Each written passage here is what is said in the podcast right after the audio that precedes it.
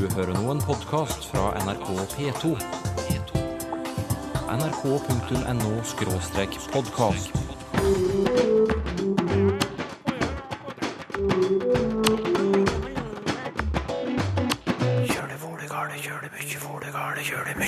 Sylfester Lomheim, velkommen til Språkteigen. Takk. Du er klar til å svare på en bunke med spørsmål fra lyttere? Jeg er klar, ja. Da skal vi begynne med et spørsmål fra Rolf Øvrum. Vi har fått følgende spørsmål. Hvem kan egentlig sies å være berørt?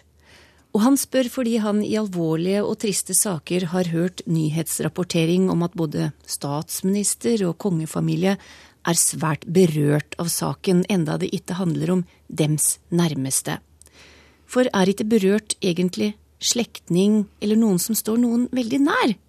Mens andre mer blir rørt og beveget, spør Øvrum.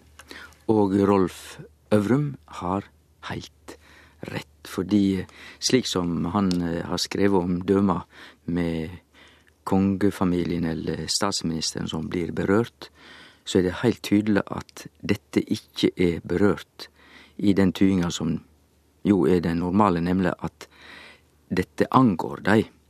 Så det verbet som skulle ha vært brukt her, er de ble beveget. Altså, vi hører jo at noen kan bli bevega til tårer, ikke sant? Og du kan til og med bli bevega i retning av det motsatte og bli så glad, begeistra. Så vi må ikke blande sammen de to verba å berøre og å bevege. Fordi berøre på bokmål, det har tre bruksmåter. Enten, som i dette tilfellet, det angår noen. eller eh, de berørte her, eh, det kan bety å omtalt, de omtalte, og også å berøre noen kan jo rett og slett fysisk og konkret tyde å ta på. Så å berøre har tre bruksmåter Å angå, å omtale og å ta på. Medan bevega, det, det betyr enten å, å få noen til å ta til tårene, altså å bli trist, eller også å bli begeistra, eller rett og slett å flytte. Du beveger deg fra punkt A til punkt B, da flytter du deg. Og så har vi jo det nynorske, typiske nynorske verbet som betyr å røre, og det, det har i seg både litt av berøre og litt av bevega. For vi kan jo si at han vart rørt til tårer. Da er det altså bevega. Men, men jeg rørte på han. Det kan bety å ta på, altså å berøre. Så da har vi et, en trekant, Torunn, omtrent. Å berøre og å bevege og å røre. Og disse tre betyr delvis det samme. De har nokre kontaktflater sams, og så har de andre bruksområder som er ulike. Så dette er ikkje komplisert, men det er slik språket det glir litt inn i hverandre. Heter det grisgrendt eller glissgrendt, eller heter det begge deler, spør Katrine Seim Holten. Ja, det burde egentlig kunne sies begge deler i norsk, og begge deler ville da være forståelig. Men eh, det vanlige i norsk er jo grisgrendt. Og eh, grisgrendt Grend er jo bosetnad der det står hus. Og alle veit at hvis det er grisgrendt, så er ikke det så veldig mange hus å sjå. Nei. Og det er jo fordi at gris ikke har noe med husdyret gris å gjøre, men det har med et ord gris og grese. På vestnorsk eh, kan eg si at ja, det er grese der, eh, langt mellom trea. Og grese betyr langt mellom, eller at det er åpe rom mellom. Slik at er det grisgrendt, så er det et stykke mellom grendene. Det er altså åpe rom mellom, mellom grendene. Eller mellom husa, kanskje? Ja, og det er det samme vi har i eh, å grine. For det betyr egentlig å åpne munnen. Da griner du. Og det er jo derfor at å grine har ei anna tyding på dansk enn på norsk. Men når vi forstår at i begge språk så er opphavet å åpne munnen, da forstår vi at det kan være samme ordet. Så ingenting med tårer å gjøre, nei? Nei, nei, Nei. det har ikke det. Det har med å åpne, altså få et mellomrom mellom leppene. Mhm. Ja. Og eh, når jeg sa glesgrendt, så tenkte jo jeg, og du som bebur nær grensa, Torunn, Ja, Sverige? ja gles, glesbygderna. Ja, nettopp. Fordi at eh, å glisa har samme mening. og glisa er også å åpne munnen. Så det har med åpning å gjøre.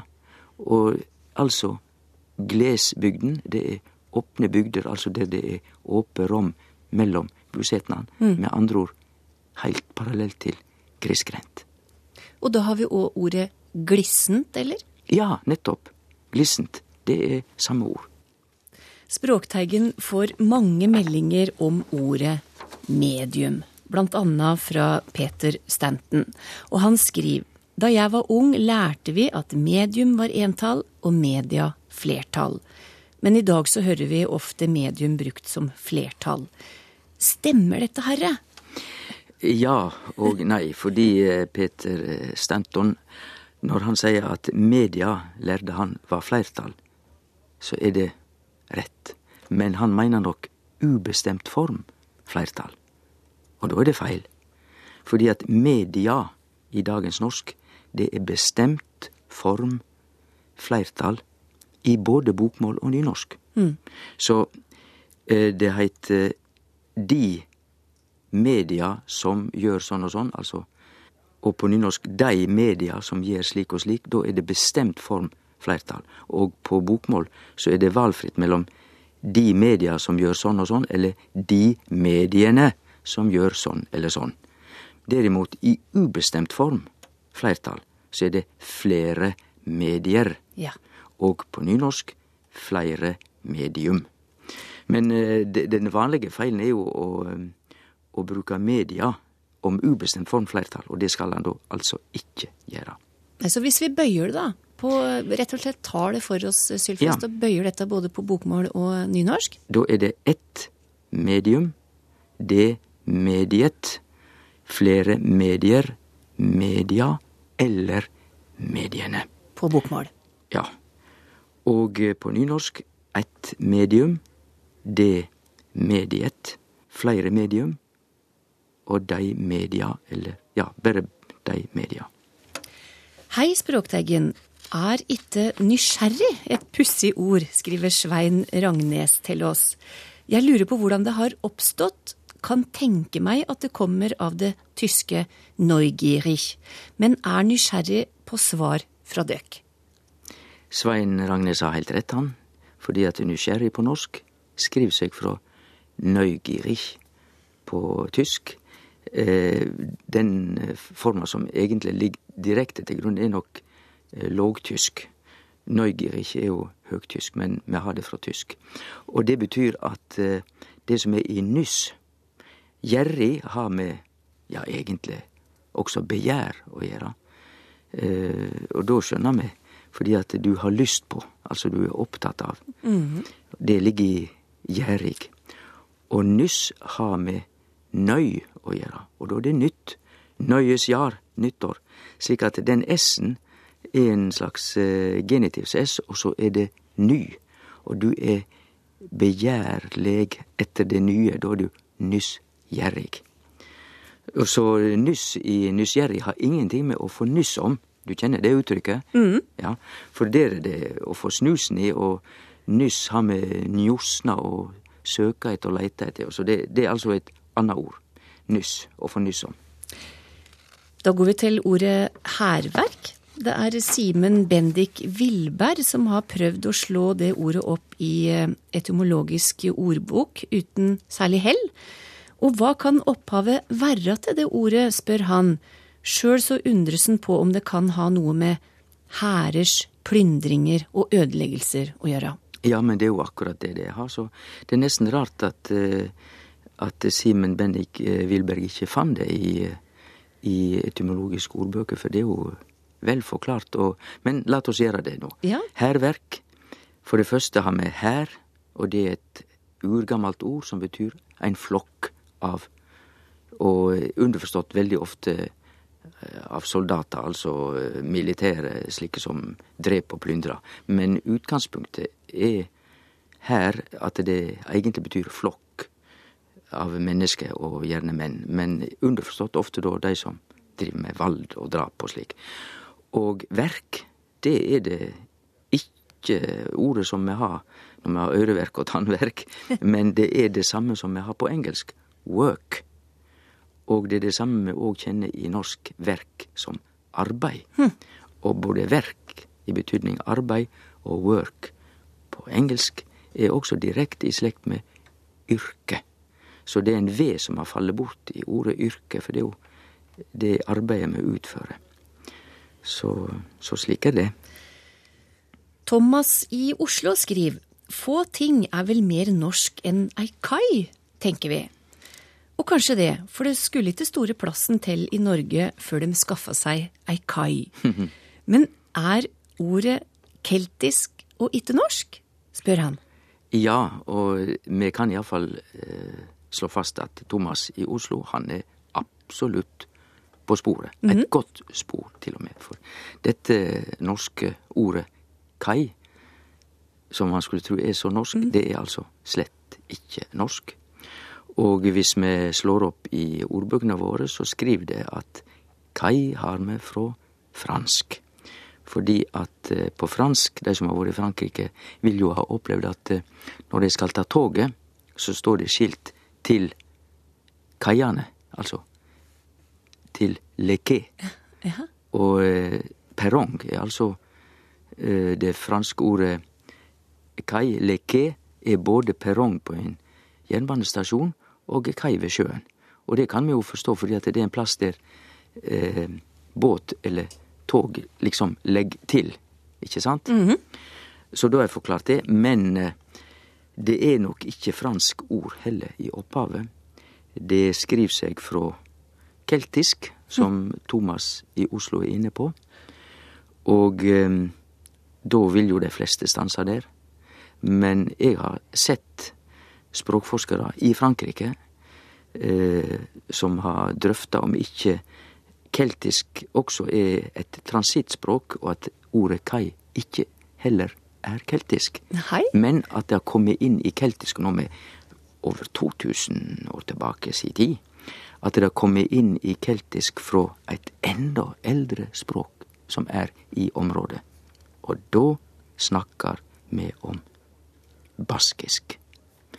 Men det er altså Det siste leddet her er usikkert. Men hvis det er slik, så er ordet kai altså et gammelt baskisk ord som har kommet inn i keltiske språk.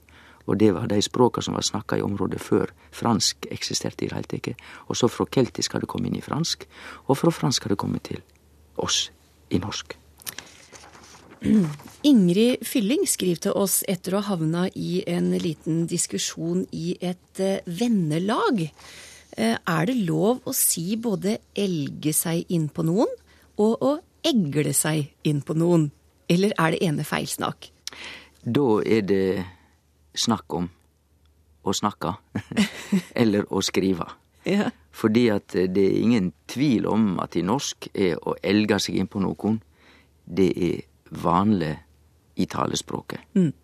Men vi finner det ikke som et ord i ordbøkene eh, som et alternativ til å egle seg inn på noen. Der står det bare å egle.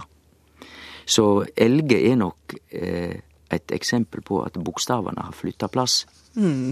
Og det er jo mye lettere å si elge enn egle. Ja. Og det er jo det samme som har skjedd med, med for eksempel um, fersk. Fordi at der har RS bytta plass. Det kommer jo egentlig fra frisk. Og så har det blitt lettere å si fersk. Dette fenomenet med at eh, bokstav, bokstavene, eller jeg bør jo si lydene, bytter plass i et ord, det heter metatese i, eh, i språkfaglig sammenheng. Og det kan vi omsette med omkasting, altså at eh, lyder blir kasta om. Vi har det samme i, i kross og kors. Eh, Kors på bokmål, det bokmålsprofil, ja, det er jo det opphavlige og korrekt, og nynorskfolk sier da kross. Men det er jo omvendt. Altså det er kross som er det egentlige opphavlege og i hermetekken korrekte. Og Derfor heter det òg det på eh, cross på engelsk, som på nynorsk. Og det kommer fra crux på latin, som betyr cross.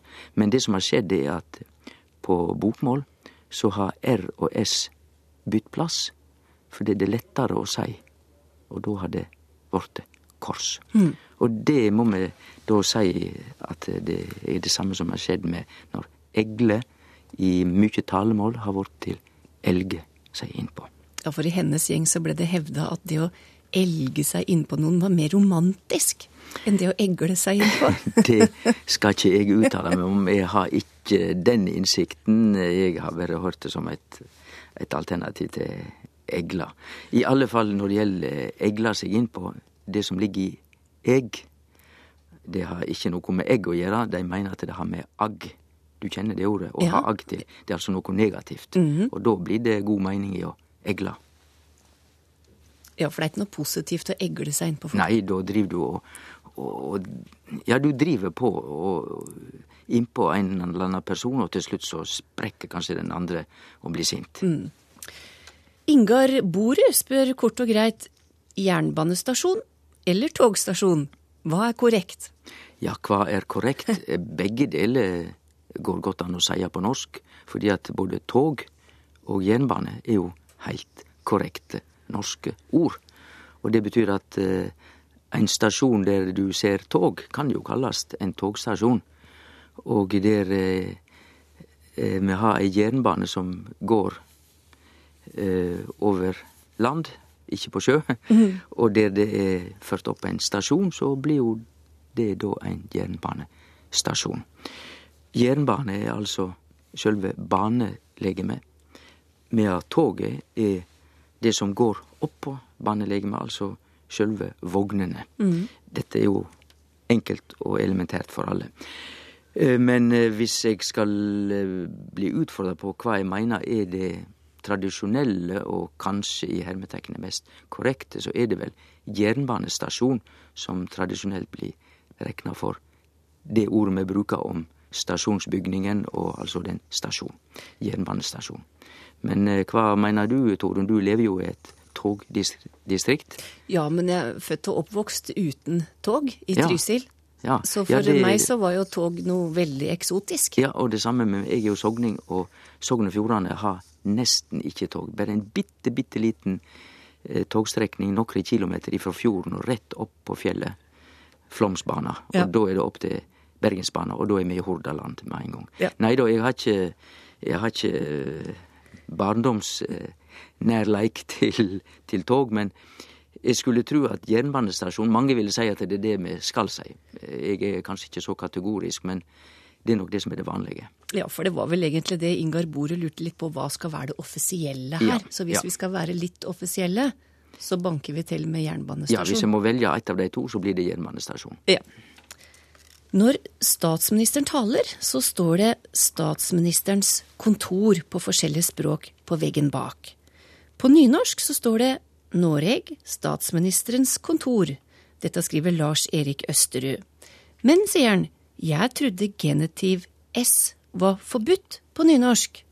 Burde det ikke heller stå Noreg, kontoret til statsministeren? Det kunne ha stått det, men eh, det er unødvendig tungt, og eh, det er det Lars Erik Østerud nevner med at eh, genitivs S er forbudt på nynorsk, det er, for å si det rett ut, det er en fordom. Det er feil oppfatning. Det er heilt fint med S-genitiv på nynorsk, men for å si det litt sånn overordna enkelt, S-genitiven er mindre brukt på nynorsk enn i bokmål. Det er det som er det rette og saklege svaret. Og så er det òg slik at i ja, hvis du går til nynorskskrivande personer i Telemark, i Vest-Telemark, Olav Vesaas og alle disse flotte folka fra Vest-Telemark, dei der er det tradisjon i talemålet for at de bruker mer S-genitiv enn om du tek bussen over fjellet til Hardanger og Sørfjorden og Indre Hordaland.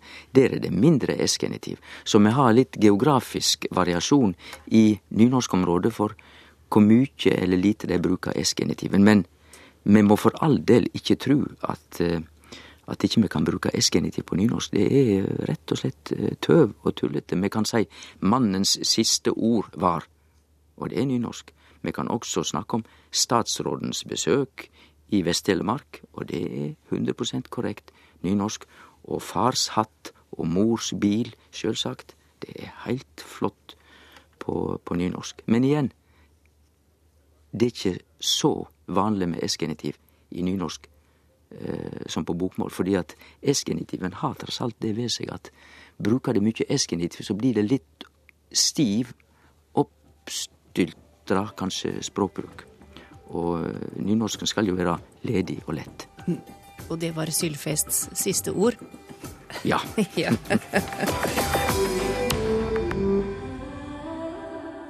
nrk.no podkast.